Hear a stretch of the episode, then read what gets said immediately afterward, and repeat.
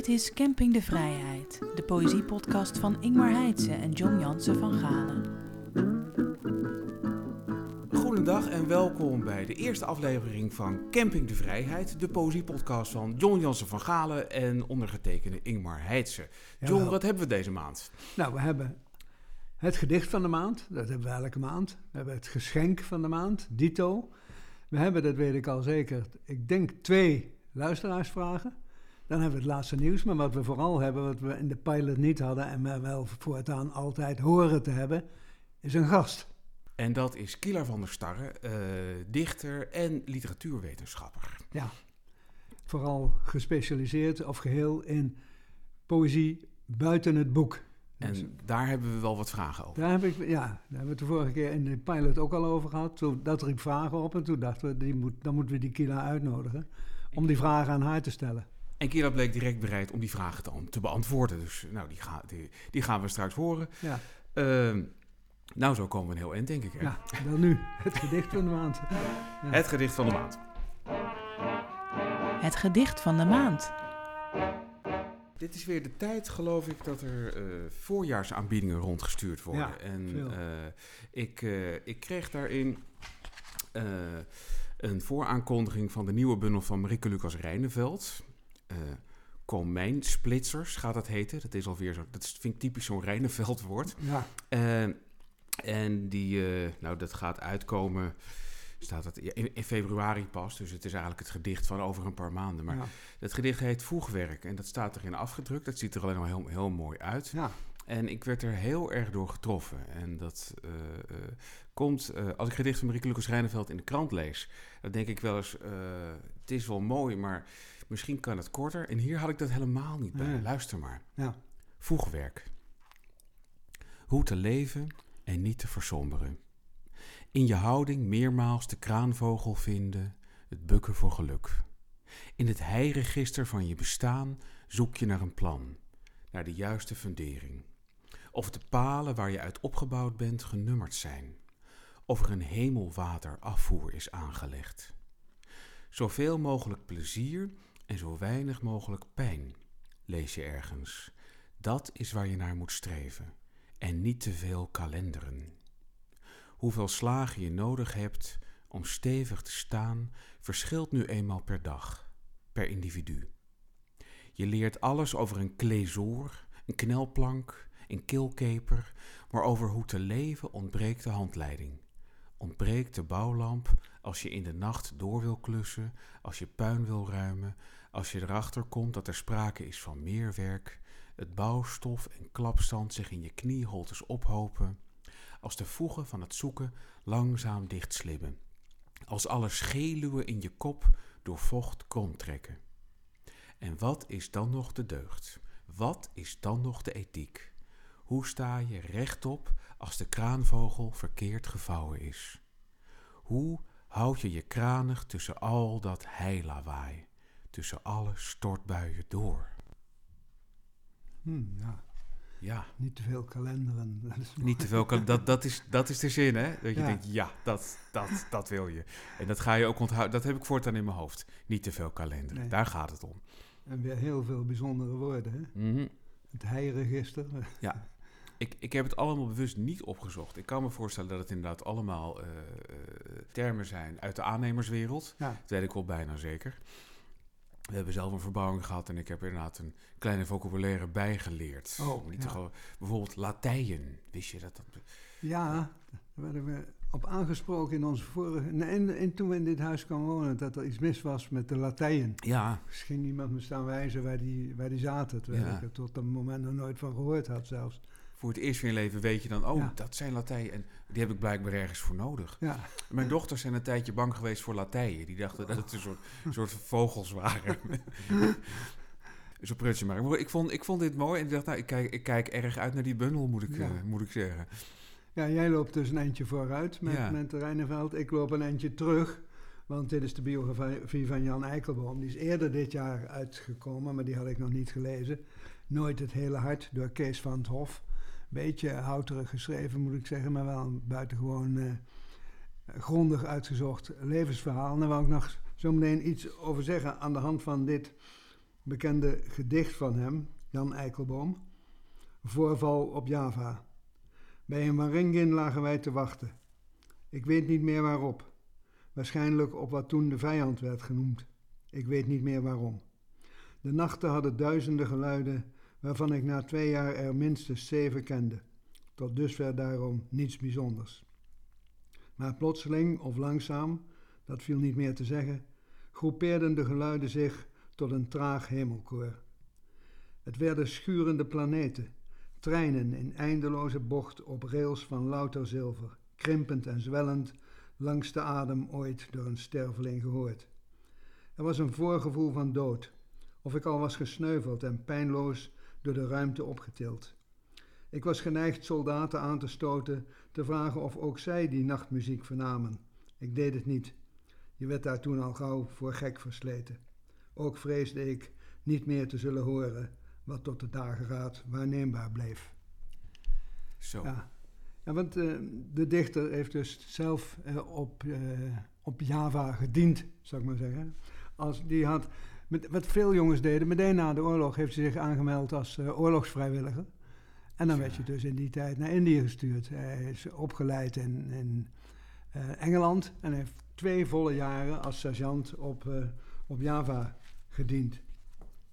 Wat, wat een intens Bij, vreed principe. Dat je, dat je na zo'n oorlog denkt, nou ga ik, nou nee, ga ik wat doen. Nee, de, de ware aandrift was... A, uh, wij zijn nou bevrijd van de MOF. Nou gaan we die mensen bevrijden van de JAP. Ja. Want daar was de oorlog nog niet afgelopen. Nee, maar dat Alleen, begrijp ik zo goed eigenlijk.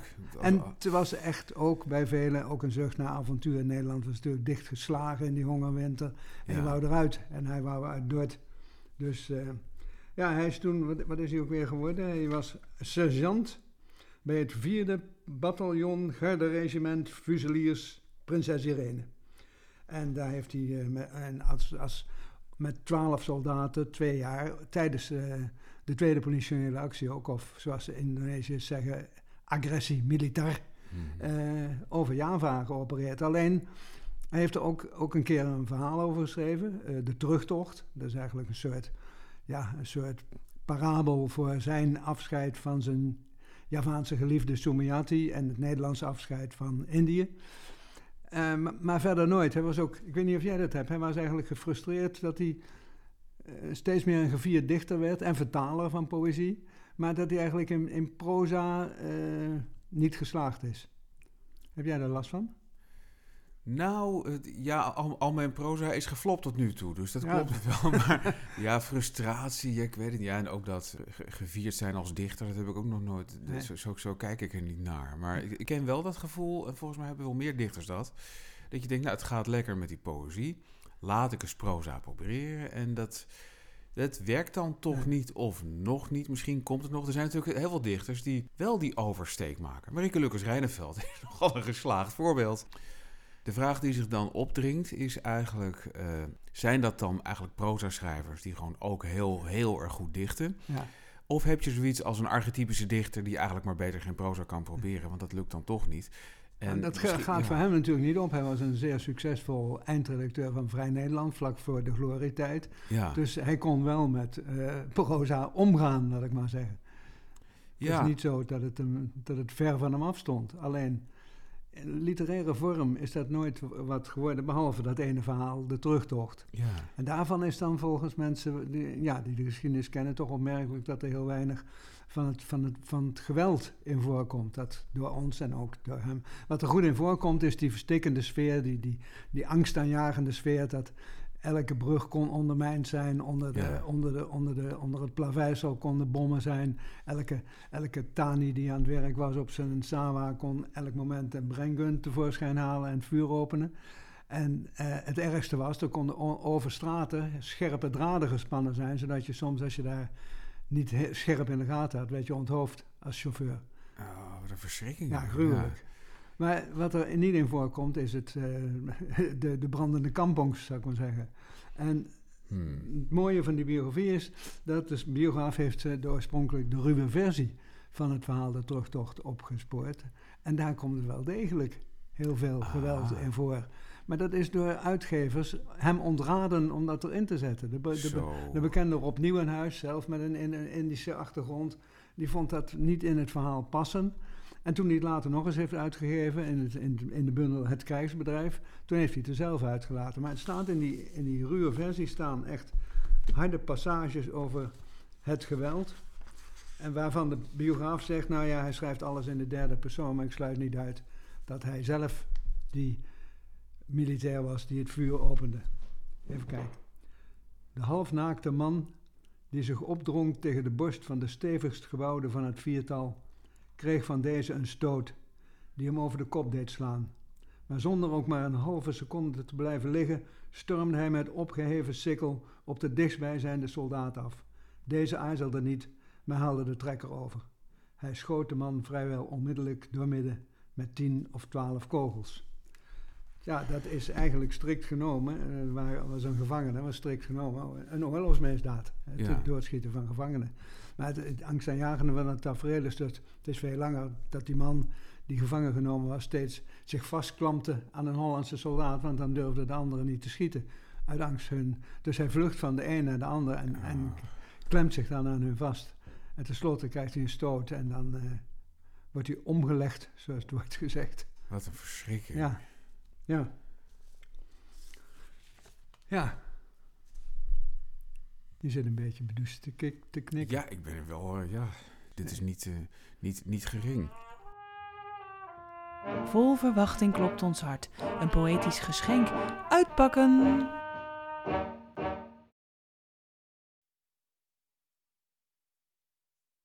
Doodgewoon gaan hemelen. Gedichten voor als je woorden zoekt. Uh, gedichten van bijna 75 dichters, gecombineerd met schilderijen en tekeningen. Uh, van het, uh, ja, de hofleverancier van poëzie op deuren, glazen, ruiten, kerstballen, handdoeken. handdoeken. Je, je, je kan het zo gek niet bedenken. Maar vooral misschien van poëzieposters voor in de klas, want daar kennen hele generaties ja. blind natuurlijk van. Ja, doodgewoon gaan, gaan hemelen met een buikbandje. Hier, dat ritselt altijd zo fijn. Zo'n buikbandje vind ik altijd... Enerzijds vind ik het zo chic. En anderzijds is het altijd het eerste wat ik meteen weg weggooit. Ja, ja stofomslagen doe ik ook altijd weg. Maar gewoon zo in linnen de kast in. Nou, de uitvoering is fantastisch. Uh, het gaat dus, dat is misschien nog niet helemaal duidelijk. Gedichten voor als je woorden zoekt, dan denk je, ja, dat geldt voor alle gedichten. Maar het gaat erom, dit, dit, dit gaat uh, vooral om een specifiek genre in de poëzie. Namelijk rouwgedichten. Gedichten die je goed kan uitspreken bij uitvaarten en of in rouwadvertenties zetten. Het is ook in stemmig grijs uitgevoerd. Ja. Dus uitvoering is om door een ringetje te halen, moet ik zeggen, met een leeslintje. Kan niet op. Het is echt wel cadeauachtig, ja. vind je niet? Eh, bijvoorbeeld, dan vinden we uh, op bladzijde 71 van Judith Hertzberg. Bedroefd, bedroefd en zo bedroefd dat droefenis in woede oversloeg. Toch waren droefenis en woede niet genoeg, nog altijd niet genoeg. Ja. Staat dan in het stemmige grijs. Want het, dus de, de, hele bundel, het, hele boek heeft grijs als achtergrond, wat meteen een, een mild kritiekpunt kan zijn. Het, het komt de leesbaarheid niet helemaal ten goede. Het nee. zo, ja, dat nee, is ze toch... besteden veel aandacht aan de layout, maar soms staat die... Uh de toegankelijkheid een beetje in de weg. Ja, dat is, dat is, dat is, toch, dat is toch lastig eraan. Maar goed, het, het, het, mooi, mooi is het wel. Wat, wat vind jij er verder van, John? Nou, wat me opvalt, ik, ik, heb het, uh, ik, ik, heb het net. Wat me opvalt is dat het een heel breed spectrum aan dichters is. Ze hebben in, de, in de, hun reguliere uitgave is er een soort van stal van plintdichters die je steeds weer tegenkomt. Maar dit is ja. gewoon uh, ja, het... Uh, het crème de la crème van de Nederlandse dichterswereld. En uh, ze hebben heel breed uh, geworven voor, dit, voor deze bundel. Ja, dat kan je wel zeggen. Met, met, met, met, met onder andere de... de even denken. Ja, het gaat inderdaad van Toon, Toon Telligen tot Pessoa tot de, de bewonderde J.H. Leopold. Ja, Hij het beroemde al... Lamento van Remco Kampert. Ja. ja. Dat is natuurlijk wel. wel uh, ja, dus, dus het, is, het. Nou ja, je zou natuurlijk zeggen. Het, het, het gaat wel bijna allemaal uh, vorige eeuw en deze. Ja. Dus dat is nog, nog, nog wel iets. En jij staat er ook in. Mag ik sta er ook in. Mag ik even? Ja, natuurlijk. Als het licht nou maar goed is met dat grijs.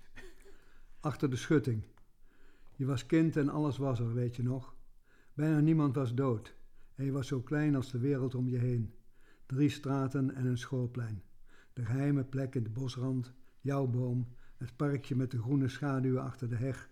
Alles was er en het zou er altijd zijn. Want niemand kwam op het idee daar iets aan te veranderen. En je weet ook nu niet meer hoe alle dingen gingen schuiven. Hoe struiken of jurkjes zich openden als theaterdoek met uitzicht op iets wat je nog niet zien mocht.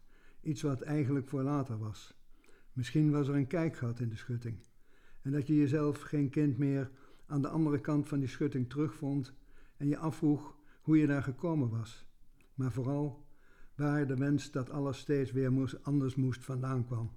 En dat je nu pas begrijpt dat wat je doet alleen een poging is om de dingen terug te veranderen naar de tijd dat alles er altijd was, zoals het was toen je nog kind was.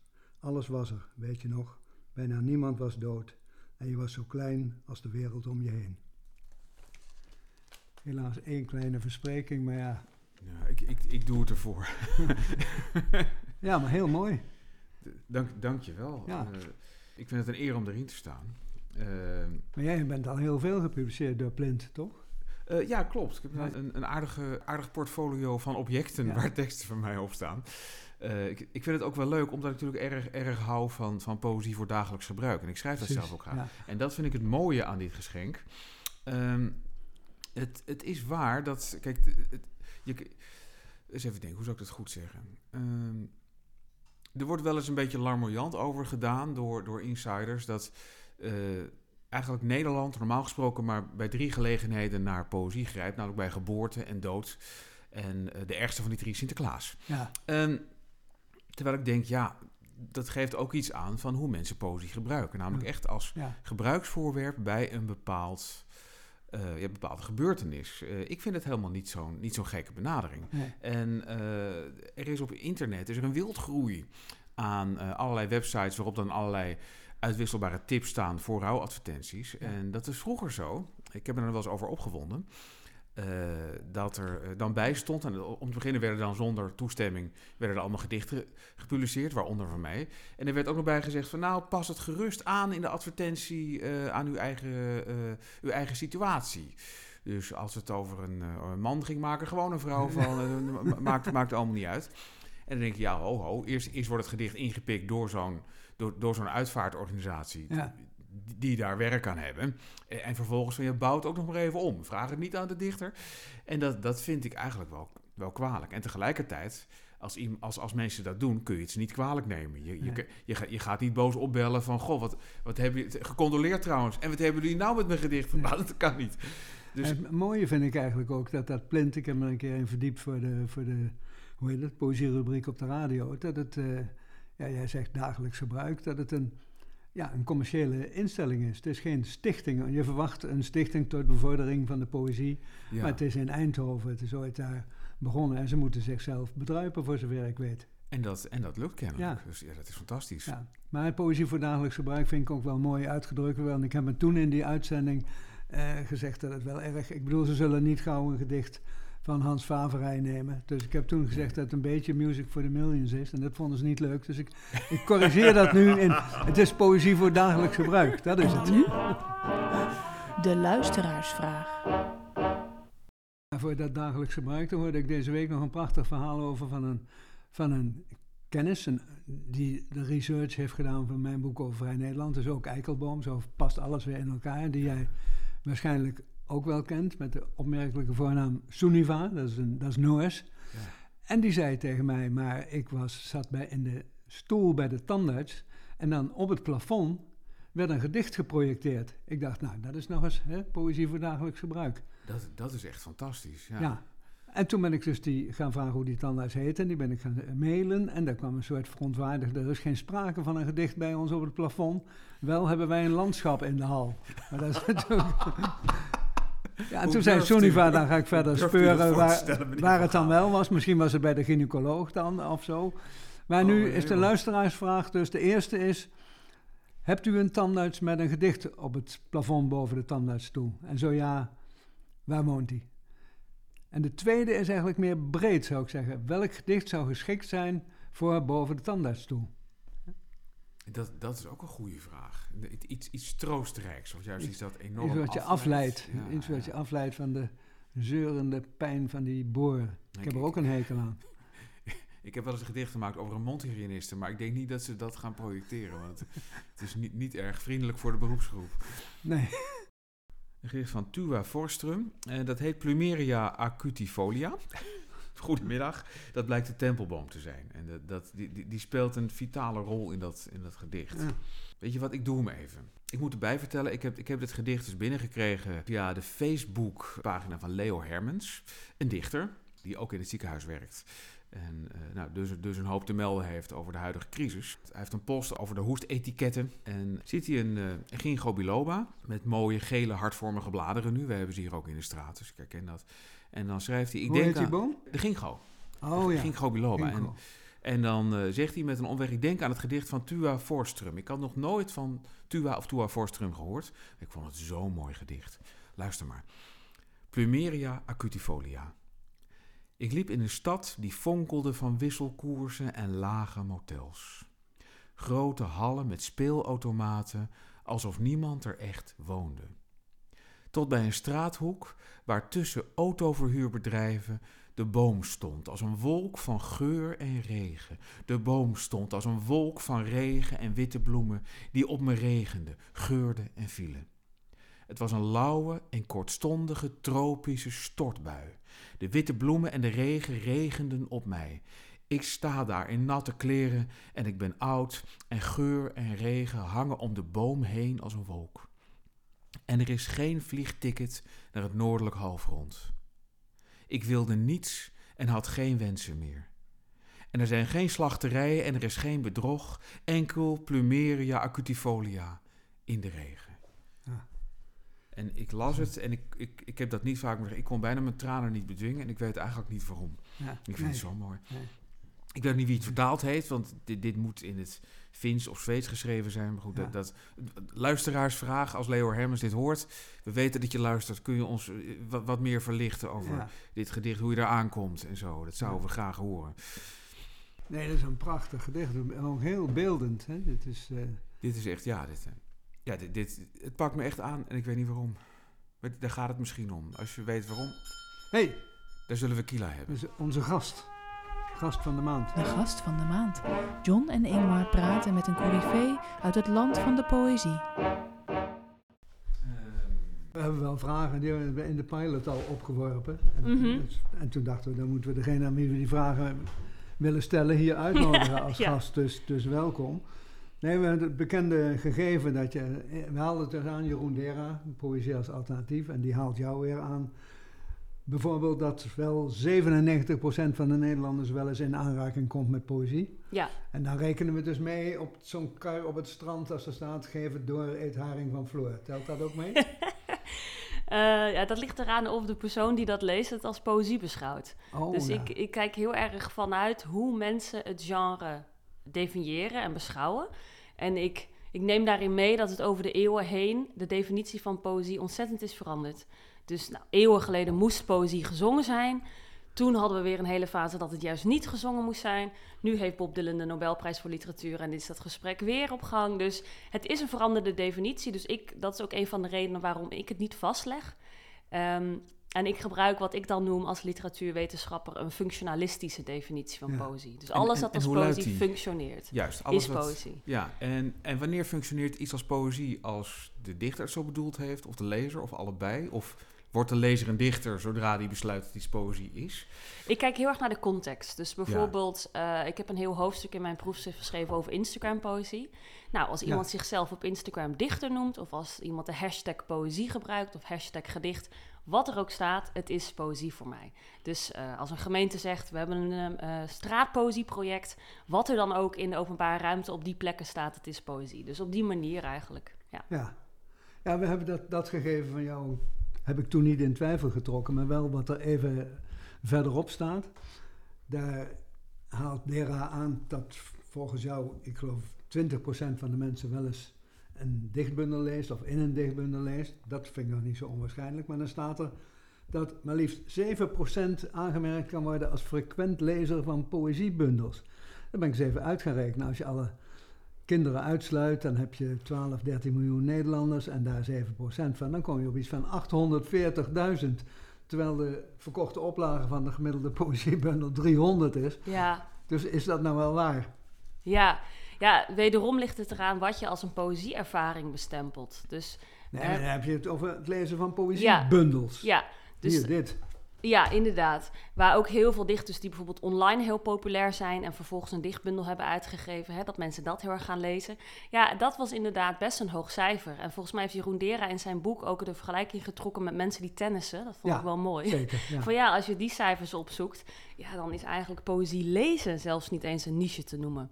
In mijn onderzoek kijk ik veel breder, dus het tegenkomen van poëzie, het, po- het beluisteren van poëzie. Nou, als je al die vormen meeneemt, is het al zeker weten geen niche-genre. Nee, Oké. maar 840.000, geloof jij het? Eh, dat, dat is een hoop, maar tegelijkertijd, ja, zodra je er eentje, eentje openslaat. Ik denk altijd, zeg maar, eh, dat, dat zoiets heel sterk vertekend wordt door een paar grote uitschieters. Zeg maar, dat, dat heel veel jonge mensen nu een bundel van Tim Hofman in huis hebben. Ja, en Ja. ik denk dat u misschien ook heel erg denkt vanuit de verkoop van poëziebundels. Terwijl mensen natuurlijk sommige bundels heel vaak herlezen. Misschien tweedehands eh, kopen, misschien krijgen van een Ja, vriend ja. of familielid. Dus dat is ook weer een, een kwestie van perspectief. Dus als we zeggen, hoe vaak slaat u een bundel open? Hè, dat kan ook een bloemlezing zijn die al 30 jaar in een familie circuleert en er heel vaak in gelezen wordt. Dus ja, het en dan haal je het wel, hoor, denk Dan ik. haal je, ja. ja, 840.000. Ja. Eh, Indrukwekkend. Ja, toch wel fijn. ja. Ja, toch wel fijn, ja. Daar knapt de mensen toch eigenlijk van op, vind je Ja. niet? Ik bedoel, po- poëzie, kijk, ook al was het de helft of was het twee keer zoveel, de, statistiek is niet het belangrijkste eraan Nee. natuurlijk. Hoewel, is, is dat zo, Kila? Je, je, dit, dit soort cijfers, die worden natuurlijk snel eruit gelicht. Hè? Ja. d- d- dat is natuurlijk eigenlijk niet waar het om gaat, of wel? Nee, nee, dat vond ik ook niet. Nee. Ja, de algehele conclusie dat poëzie duidelijk leeft, hè, dat was eigenlijk de boodschap die ik wilde overbrengen.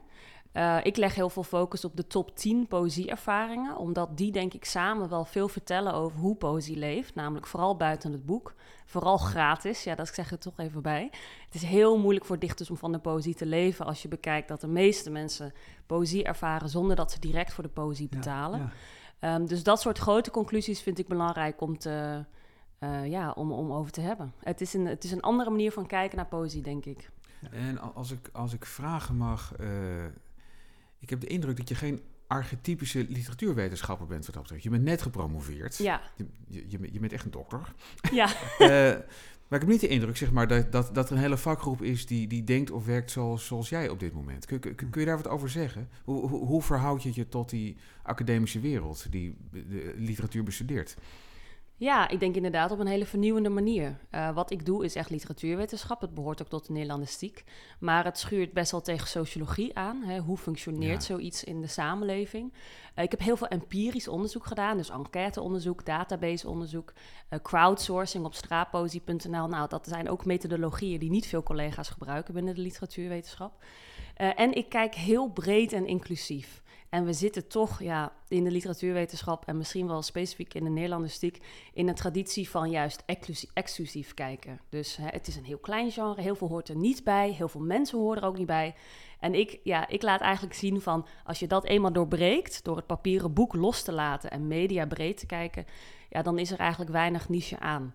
Dus ehm, ja, ik, ik heb soms het idee dat ik niet alle reacties hoor op mijn onderzoek hè, van collega's. Dat is toch iets waar dan, ja, ik ben altijd wel heel benieuwd wat, wat, wat de meeste oldschool literatuurwetenschappers ervan vinden. Eh, maar heel soms krijg ik wel ja, de reactie van wat jij onderzoekt is geen poëzie. En dat vind ik een hele interessante reactie eigenlijk. Ja, Ja, nou ja, dan heb ik dan, eh, voor, eh, het gaat bij jou over eh, poëzie buiten het boek. Ja. hè, waarvan ik me afvraag wel eens, voegt dat nou altijd iets toe? Ik bedoel, op een blinde muur, een gedicht, dat Ja. kan je plotseling treffen. Maar ander voorbeeld, in, eh, ik wandel veel in het dal van de Gulp, bij Sleenaken. Daar waait een dichter rond, die heet Monica. En die maakt op, eh, eh, hoe heet het, schors van bomen Oh ja. maakt ze ook gedichten. Nou, ik zal er één voorlezen. Als mijn woorden konden troosten en het troosten kon helen, als helen kon verblijden, dan zou ik spreken duizenden woorden over mijn lippen. Nou, dan denk ik, ja, die zit. heb ik, wat heb ik? dat staat mij voornamelijk in de weg. Maar zijn er niet heel veel cultuuruitingen die u in de weg staan? Muziek, eh, film, kleding? Nou ja, nee, nee, niet, niet zo dat het zo wringt met wat je, dat je denkt, waarom, het is hier mooi en dan wil iemand er nog mooier van maken en dat lukt dus niet. Ja, Want En het wordt u een beetje opgedrongen in de openbare ruimte. dat wordt je opgedrongen. Ja. En ja, dat kan ook heel goed uitpakken. Ik las, was, las la- een ander dal, de Roosendaalse Beek. En daar zag ik plotseling een gedicht staan van eh, Benno Barnard. Ik ben altijd weer ontevreden in het dode leer van mijn schoenen. De moeizame rol van meneer, ik ben het met u eens. De wereld, zij, is mijn enige huis. De blonde vos aan de bosrand staat vol minachting te kijken naar de tamme hond aan zijn mensenlijn. Hem zou ik wel willen zijn, die trotse, kipbeluste rebel.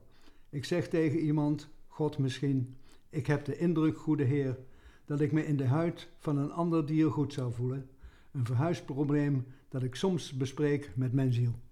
Nou, dat is wel mooi. En dan toch nog denk ik, ja, waarom, waarom staat dat in zo'n weiland voor dat uitzicht? Ja, Nou, maar het is toch een prachtig gedicht. Het is een prachtig gedicht, Ja, maar Benno Barnard, eh, daar verwacht je ook niet minder dan een prachtig nee, gedicht van. hij is daar opgegroeid hè, in Ja. Roosendaal. Hè. Zijn vader was eh, Guillaume van der Graaf, die was Mhm. daar dominee. Ja. En ik ben er ook opgegroeid, eh, dat wil ik erbij zeggen. Ja, ik denk, ik vind het een prachtig gedicht, maar waarom Ja. staat het in zo'n weiland? Op een bordje. waarom? Op een bordje. Ja, Ja, dat is een leuke vraag. nou ja, dat is natuurlijk heel praktisch te antwoorden. Iemand heeft het daar geplaatst, misschien binnen een eh stadzichtsproject of een gemeenteproject of een wedstrijd. is dat kan van alles bijna- zijn. Het bijna het pad. Ja, Dat loopt daar Ja, ja. rond, 2,5 ja, kilometer. dat is een en hele route. Een paar gedichten onderweg, een stuk of zeven maar trouwens. ja. Maar dat is natuurlijk het interessante aan de openbare ruimte. Dat het kan als een cadeautje ervaren worden, het tegenkomen van een gedicht. Dat blijkt uit heel veel reacties. Maar het kan ook ontzettend storen. Ik vergelijk het soms wel met de piano's op het station. Zit, ik vind altijd heel erg leuk. Er zit Ik altijd wel iemand te ja. spelen. Ja. Maar af en toe zit er gewoon iemand op de, of een kind of zo op te pengelen. En dan heb ik haast. Dan denk ik, "Ugh." Dus het ligt soms ook aan het moment van de voorbijganger. Ehm, uit mijn onderzoek blijkt dat over het algemeen de mensen het tegenkomen van poëzie wel waarderen. Ja, En oh de behoefte na het tegenkomen van een gedicht om meer poëzie te horen of te lezen is ook vrij hoog. Is overigens significant hoger bij vrouwen dan bij mannen. Ook wel een interessante eh, Ja. gender-uitkomst. Ja. Maar er zit, er zit dus vaak wel potentie. Dat sluit natuurlijk niet uit. Er zijn ook een paar gevallen waar heel veel protest tegen is geweest. En daar schrijf ik ook over. Bijvoorbeeld een heel groot gedicht van Jacob van Lennep in de Jacob van Lennepstraat in Amsterdam. Oh, waar ja. mensen wilden dat niet. Eh, dat is met daar mis mee dan? ja, mij? dat is een heel groot eh, muurgedicht. Een soort ode aan een meisjeslichaam. ik zou dat ook niet Oh, hebben gekozen. En dan een hele grote muurtekening. En die combinatie is denk ik wat veel de hè, Van een naakte vrouw. naakte ja. vrouw. Dat Veel was, mensen eh, hebben daar verfbommen tegen aangegooid. Er zijn Ja. meerdere gemeenten eh, ehm, eh, vergaderingen over geweest. En dat is met Europees subsidiegeld aangebracht. Nou, wat je daar vaak ziet, is dat het dus niet van tevoren is overleg met de buurt. Nee, nee. Hè, wat, Ja. wat willen jullie eigenlijk op die muur? Of wij denken Ja. hier aan, wat vinden jullie daarvan? Ehm, Naast dat gedicht van Benno, Benno Bernhard zeg ik trouwens nog iets staan. Dat is helemaal niet als poëzie aangebracht, maar dat, desalniettemin. Niet voeren AUB in verband met hoefbevangenheid is de pony kreupel. nou, hoefbevangenheid. hoefbevangenheid, ooit van gehoord? nee, Nee. mooi woord. Dat, dat vond ik eigenlijk haast nog mooi. Ja, is eigenlijk... En waarom mag je de pony niet voeren als die kreupel is? Ook Dat is een ook heel, vraag. ja, zo extra zielig eigenlijk. Maar ja, ik vind dat ook in Utrecht... Hongerig en Oh, ja.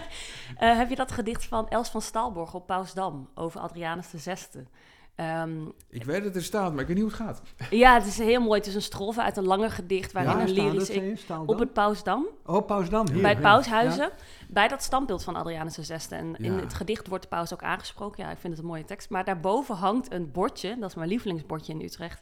Eh, AUB geen fietsen plaatsen op dit gedicht. Oh. En heel vaak, nou ik denk 9 van de 10 keer dat ik daar langs kom, staat er een fiets op. En het is ook een hele opvallende fiets van iemand die daar woont, denk ik, met veel bloemen erop en zo. Oh, zo'n Nee, fiets. dus die combinatie Ja. van, van poëzie en andere teksten in de openbare ruimte, ja, die, die Ja. werkt soms ook heel goed. Ja, dat is mooi. Want eh, eigenlijk wordt het dan beeldende kunst ook. Ja, Dat is wel ja. fantastisch idee, zo'n bordje, wat ook helemaal geen zin heeft. Nee. En, en vervolgens dan dat steeds diezelfde mooie... Dit, ja, dat is gewoon... eh, Dat is een gedicht op zich. Wat Ja. Goed. Ja. Ja, dus dat kan ook ontstaan. Dus ja, de- die grens Ja. tussen wat poëzie is en Ja. niet is natuurlijk vaag, net als bij, bij beeldende kunst. Ja, dat is eigenlijk hetzelfde. Is het tij nog altijd wassend? Steeds meer poëzie buiten het boek? Ehm, dat is een goede vraag. Nou, toen, toen ik straatpoëzie.nl oprichtte in 2017, toen Ja. gingen veel journalisten schrijven nieuw straatpoëzie. En dat vond ik heel grappig, want het is eeuwen, eeuwen oud. Het is echt vanuit de antieke oudheid bestaat het al. Eh, maar ik denk dat vooral het internet bijdraagt aan een, een soort ongelooflijk snelle en grote hoeveelheden poëzie buiten het boek. Eh, dus dat is niet alleen Instagram-poëzie, waar ik een hoofdstuk over heb geschreven, maar ook poëzie op YouTube bijvoorbeeld. Virale poëzie, spoken word. Eigenlijk alle mondelinge vormen van poëzie zijn zo makkelijk nu te horen en, en nou, honderd keer terug te luisteren. Eigenlijk close listening is ook heel erg eh, mogelijk geworden. Terwijl vroeger natuurlijk, ja, als het mondeling was, dan vervloog? Nou, close reading is echt een methode die heel traditioneel is in de, in de literatuurwetenschap. En close listening is wat je eigenlijk op dezelfde manier kan doen, maar dan met mondelinge vormen van literatuur. Oh, ja. Dus Ja. hè, wat, wat wordt er gezegd op welke manier en hoe draagt de vorm bij, dus de stem, tempo, eh, stemgebruik, bij aan de betekenis van de tekst? Ja, ze werpen ook de vraag op of, het, of de poëziebundel niet op zijn retour is. Hè? Dat, dat haalt Dera aan, ik weet niet meer van wie. Van, Ja. van die wat je Mertens geloof ik. Ja, ja, ja. Ja. waarschijnlijk met dat boek met Chrétien Breukers. Precies, bij- met Breukers. Ja. Toch weer een boek dan. toch Ja, weer een boek. Maar, maar het is, dit, dit, dit speelt al jaren, hè? Want Menno Wigman die dichtte nog. De Ja. grote Menno van eh, het boek. We naderen de uitvaart van het boek. Oh, ja. Ja, dat is iets wat al heel vaak is gezegd. Hè? Ja. Dus sowieso de poëzie is dood, is al heel vaak gezegd. En het boek is dood. En ik ben daar eens ingedoken en ja, ik moest daar toch om glimlachen hoe vaak het, bo- het boek dood is verklaard. Terwijl het natuurlijk nog steeds niet dood Ja. is. En ook hoe vaak er bij een nieuwe uitvinding van een medium... Van, maar nu is het boek echt dood. Ja, ja. Hè, dus eh, toen radio... Ja, maar nu is het echt. En nu hebben we radio. Oh, nu hebben we televisie. Dus nu zal het boek echt wel doodgaan. En mijn lievelingsvoorbeeld is toen de fiets werd uitgevonden. Nu is het boek echt dood. Nu gaat iedereen Fiets? fietsen, fietsen in de vrije tijd. nou, op een gegeven moment wordt het heel grappig als je dat de hele Ja. tijd ziet. Dus nou ja, toen het internet werd uitgevonden, et cetera. En het boek, Ja. nou ja, ik zit hier eh, met jullie aan een tafel vol met Vol boeken. ik zie heel veel boekenkasten hier. Dus het is nog lang niet dood. Ehm, ik, vergeet altijd wie dat zei, maar die trok een vergelijking met toen de lift werd uitgevonden. Toen was het, eh, was het ook niet zo dat de trap werd afgeschaft. Eh, dus ik denk, ja, welk medium er ook wordt uitgevonden, ik, ik heb nog wel veel vertrouwen in het boek eigenlijk. Ja, ja. Ik, ik ben het wel een beetje eens. Ik moet trouwens nog even terugpakken op wat John net zei. Van als je een gedicht tegenkomt in de openbare ruimte dat je niet mooi vindt, heb ik ook heel vaak. Ik denk er altijd achteraan. Ja, maar 9 van de 10 gedichten die ik in druk aantref, in een tijdschrift of in een bundel, vind ik vaak ook helemaal niet mooi. Ja, dat vind ik ook wel. Dus in die zin anders dan een, is ook- ja, dat, dat, dat, dan een wandelpad door het Gulpdal. Dat, ik- dat ben ik met je eens. En er zijn natuurlijk, het, het is meer dan een smaakkwestie. Want dat gedicht van die mevrouw dat je voorlas, dat is gewoon behoorlijk slecht. Ja. En het gedicht van Benno Barma- Ber- Barnard is behoorlijk goed. En Ja. toch is het, is het ongetwijfeld zo dat er mensen zijn die juist dat gedicht van die mevrouw heel mooi vinden. Ja, Ja, en dat van Barnard slecht. Dus Ja. dat is wel iets waar ik achter gekomen ben, voornamelijk door mijn onderzoek naar candlelight poëzie. hè, dus Oh ja. van Jan Ja. van Veen, het radioprogramma. Nou ja, Is er de- nog altijd Jan van Veen? ja. Ja, ja, ja. hij doet het al meer dan 50 jaar. Ja, Terwijl radio pas 100 jaar in Nederland bestaat. Ja, het is ja. Echt, echt fantastisch. ongelooflijk. Ja. Ehm, maar goed, ik heb samen met Jan heb ik een enquête afgenomen onder zijn luisteraars. Om eens te horen van ja, wie luistert daarnaar en waarom. En, eh, maar wat daar heel erg interessant aan vind, is dat heel veel mensen neerkijken op candlelight poëzie. Hè. Veel Ja. mensen vinden dat het voorbeeld van slechte poëzie. Worden ook ongelooflijk veel grappen over gemaakt. Heel veel cabaret-scènes. Ja, Herman en, eh, Berkien nog, hè? ja, met, precies. Ja. Eh, ik, ik krijg hier nog een gedicht onder mijn neus. Jan, je auto staat. Verkeerd geparkeerd, de portier. En dan is het. Ja, ja heel veel parodie. Ik ben zelfs zelf een keer in een parodie terechtgekomen. Op, Werkelijk? ja, op Hoe dat 3FM, zo? ja, op 3FM werd ik geïnterviewd over mijn onderzoek. En toen begonnen ze met dat muziekje, hè, dat bekende Ja, stuk ja. eh, dat Jan Oh, altijd gebruikt. En dan zo, Kila. En toen dacht ik, oh, nu zit ik zelf in een parodie. Maar zo vaak gebeurt het dus. Maar tegelijkertijd is, eh, is die candlelight poëzie ongekend populair. Ik bedoel, die boeken, die, die bloemlezingen die Jan heeft uitgegeven, dat zijn bestsellers. Dat zijn eigenlijk eversellers. Hoe Er zijn al 500.000 van die 840.000. Ja. Ja, ja, nee, dat komt. En- En, schieten we net op. Ja, Heel veel mensen gaan ervan uit dat niemand echt ontroerd wordt door die gedichten. Maar uit zoveel reacties blijkt dat mensen tot tranen toe worden geroerd Ja, ja. door die gedichten. Over liefdesverdriet, over rouw. Hele grote woorden. Hè? Dus niet beschrijven wat je voelt, maar gewoon zeggen: Ik ben verdrietig of ik hou van jou. Ehm, het zijn clichés en wij houden van clichés. Ons brein Ja, houdt van clichés. Dus het is misschien ook wel heel erg hoge cultuur en onze bubbel om te zeggen dat clichés slecht zijn. Terwijl heel veel mensen daar juist ontzettend van houden. Een pleidooi voor het cliché. Eerherstel. Eh, nou, ik, ik, ben, ik ben het daar toch, toch wel mee eens. Ja. Dat is, dat is toch, en, en het helpt ook, zeg maar, als je, eh, als je veel optreedt en, wat, en, en veel lesgeeft, zoals ik de laatste jaren vooral doen, dan krijg je allerlei soorten mensen voor je neus. Ja. Eh, en, en, en, en dan kun je niet staande houden van, ja, je moet allemaal deze honderd dichters lezen, want die zijn tenminste goed. En de rest is minder goed. Het gaat gewoon niet op. Nee. Eh, Maar je kunt me niet pressen om zo'n gedicht, als, als langs de gulp staat, om dat mooi te gaan vinden. Nee, maar dat doet ook niemand, hè? Oh, nee. Toch? Nee. Nou ja, als die vrouw dat daar allemaal ophangt, dan vindt ze het wel de moeite waard voor ja, de voorbijganger. Ja. Maar, Nou, maar en- denkt en zij dat iedereen ook. het de moeite waard vindt? Hoogstwaarschijnlijk niet. Wat zeg je? Denkt zij dat iedereen het de moeite waard vindt? Hoogstwaarschijnlijk niet. Nee, denk ik niet. Ik Nee. denk wel de meeste mensen. De meeste Ja. wandelaars zullen dat wel prachtig vinden. Ja. Ja, wat dat betreft blijft, blijft het toch een kwestie van, zoals met alles, alle kunst vooral, van hoe- dieper je erin duikt, hoe specifieker je smaak wordt. Ja, ja, En hoe meer dingen je toch af gaat wijzen. En dat is eigenlijk jammer. ja. Er is ook niks aan te doen. Ik, ik, ik kan, kan me daar niet aan, niet aan onttrekken. Ik, ik hoor meteen wat er in mijn ogen niet deugt in zo'n gedicht. Ik wil meteen zo'n gedicht ook gaan verbeteren. Ja, Maar dat ja. is heel erg hoogvaardig natuurlijk. Want ja, Ja. waarom, waarom zou ik het beter weten? Dat is maar onzin. Ik heb gewoon een andere smaak. Ja. En, een En ik vind het ook mooi om de vergelijking andersom te trekken. Hè. Het is poëzie die wij heel goed vinden. Als Jan dat zou voordragen op de radio tijdens Candlelight, Ja. dat zou slechte poëzie zijn. In Ja, die ja. context is dat een slecht gedicht. Ik zeg maar iets van Lucebert of Favre of... eh, Ja. Ja. Die no- hebben we hier vaak genoemd. Ja, maar als voorbeeld van de andere kant. Ik vind dat een heel goed voorbeeld van de andere Ja. kant. Ja. Zeker. En ik denk ook dat het, dat het waar is. Dat, dat, dat, het dan, eh, ja, dat je dan inderdaad echt klachten krijgt. Dat mensen, nou, hier, hier, hier kan ik niks mee, want ik begrijp er niks van. pikken we niet. ja, Ja. oftewel kwaliteit, kwaliteit is relatief. Dat, dat, is, waar, dat is ontzettend. Ja, het zit in de gebruiker. En het zit in de gebruikscontext. En zo, zo schrijf Ja, dus ik gebruik ook het woord gebruik bij poëzie, omdat zoveel mensen gedichten gebruiken in het leven. Ja. Ehm, en dat, is, dat heeft consequenties voor wat kwaliteit is, denk ik. Het, het is in die context ook Hij wel... heeft in- zo net bij het bespreken van dat gedicht het ook dat ingevoerd als een begrip poëzie voor dagelijks gebruik. Dat is Ja. heel veel Ja, wat- nou, ik, ik, heb, ik, heb dat, ik heb dat eigenlijk niet, niet zelf bedacht. Dat, dat, dat, dat komt dus uit een, uit een boek van Liedewijde Paris. Een gedicht is ook maar een ding. Dus zo duidelijk wordt het, wordt het gesteld. Ja, mooie En titel. het- ja, ja. en ook een fantastisch boek. Ik zit met enorm veel plezier en instemming in, in te lezen. ja, zij is geweldig. Ja. Eh, e- eigenlijk een... een eh, je zou kunnen zeggen iemand die zichzelf een leek noemt op een bepaalde Ja. manier, maar, maar ondertussen zoveel weet van poëzie en er zo leuk over vertelt. Ja, ongelooflijk. En zij heeft boeken geschreven over zoveel verschillende genres. Dus dat Ja. is echt heel Ja. knap. En haar lezingen zijn altijd zo bevlogen. Ze, zij neemt het publiek helemaal mee. Echt fantastisch dat ze nu ook een boek over poëzie heeft geschreven. Dus misschien is dat wel de kern, dat er ergens een bevlieging te vinden moet zijn. Dat er iets, iets moet resoneren in je. En dat we inderdaad, nou ja, misschien is dat, laat ik het als vraag formuleren. Betekent dat, nu, nu we in deze denktrand bezig Mhm. zijn, dat je alles wat met kwaliteit te maken heeft, maar compleet moet laten zitten en gewoon zeggen, descriptief, van nou ja, het is de context die de kwaliteit bepaalt en that's all, meer is daar niet van te zeggen.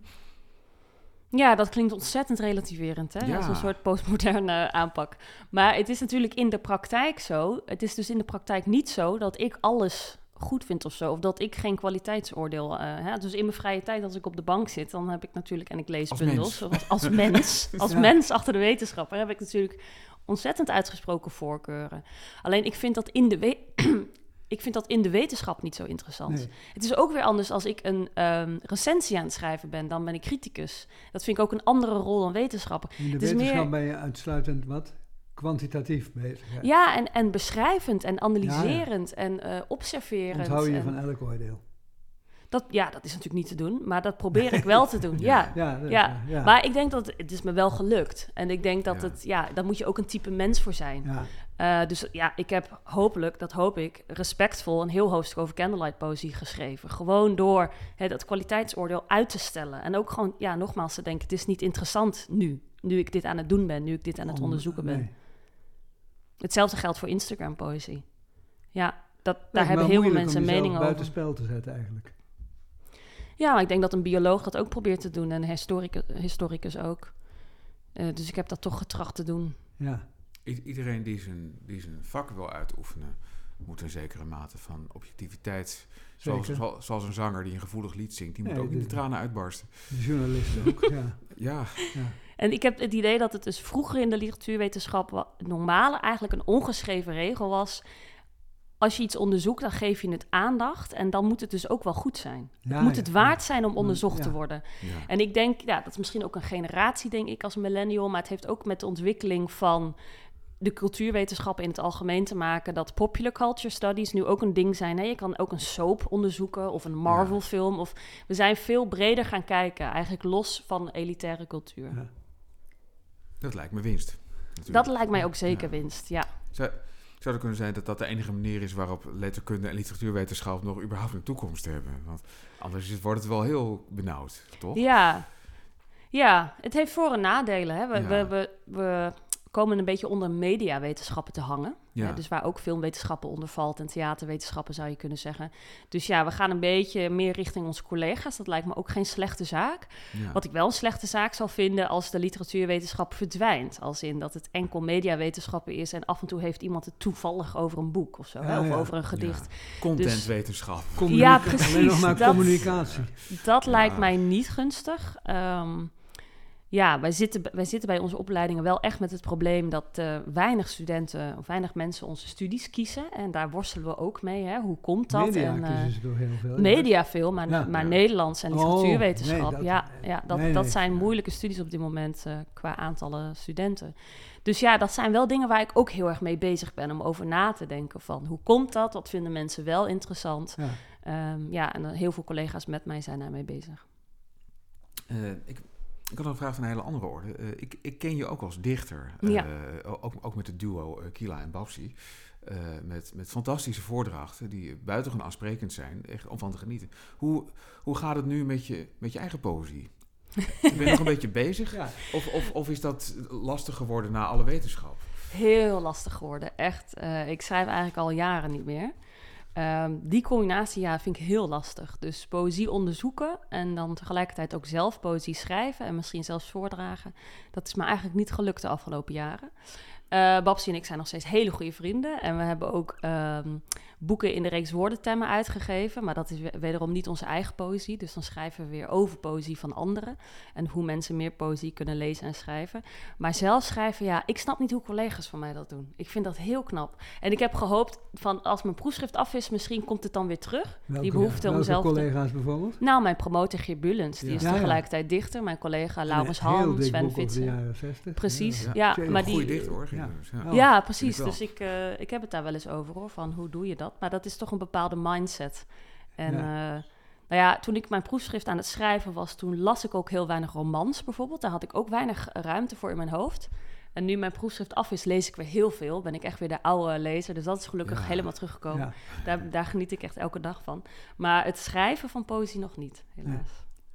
Zou ik, zou ik een subonderzoekje waard vinden, inderdaad, dichtende eh, wetenschappers, nou dat zijn Ja. er heel veel, maar dichtende literatuurwetenschappers en letterkundigen, dat zijn er wel veel. Ik moet ook denken aan Weile Redbad Fokkema en William van der Ja. Akker bijvoorbeeld. Ja, zeker. Eh, en die, die, die, die, op, op, een, op, een, op, een, op, een, op een heel, heel goed niveau schreven. Ja. En schrijven, in het geval van William. Ja. Maar ik, ik ben altijd benieuwd of daar nou ook een bepaald soort stijl in te herkennen zou zijn. Ik, ik denk van wel. Ik denk dat het een bepaald type poëzie is. Ja, zeker. Ja, dat denk ik ook wel. En ik heb ook wel eh, momenten gehad dat ik geïnspireerd voelde, omdat ik zelf met poëzie bezig was vanuit Ja. een wetenschappelijk perspectief. Maar zodra ik iets opschrijf, ja, dan bekijk ik. Ik vind het dus moeilijk om die bril af te zetten van literatuurwetenschappen. Daarom vind ik het trouwens ook heel moeilijk om poëziebundels nog niet, niet wetenschappelijk te lezen. Dat, daar moet ik ook Ja. echt even doorheen. Ja. Ehm, dus ja, Babsi die is opgeleid als grafisch vormgever en die had het altijd met de vormgeving van onze poëzie, dat ze die bril niet kon afzetten. Dus we waren altijd een mooi stel. Als een soort Stedler en Waldorf. Ja, dat was altijd heel lastig. Je kent niets uit je hoofd van je eigen poëzie? Eh, jawel, Nou, maar ja. ja, ik heb Babsi nodig natuurlijk om Ja, het voor is te waar, dragen. ja. Ja. Hè, nog meer te verhapstukken, want we zijn namelijk gewaarschuwd dat zo'n podcast mag niet te lang duren. Oh ja, Dus, ja, eh, dat is ook ja. zo. Wil je zelf nog iets... Hebt Is- u hier nog iets aan toe te iets voegen? kwijt. Wat zeg je? Wil je nog iets kwijt aan, Ja, hebt u hier nog aan, iets aan onze te voegen? 300 luisteraars? Eh, nou ja, ik vind het wel leuk om te zeggen dat mijn proefschrift een gratis e-book is. Dus voor iedereen die het interessant vindt, die kan Oh het ja. boek eh, online lezen of een hoofdstuk eruit of de samenvatting. Eh, ja, dat vind ik heel belangrijk, Ja. dat eh, wetenschappelijke resultaten Tik voor in, iedereen... van de Starre en dan?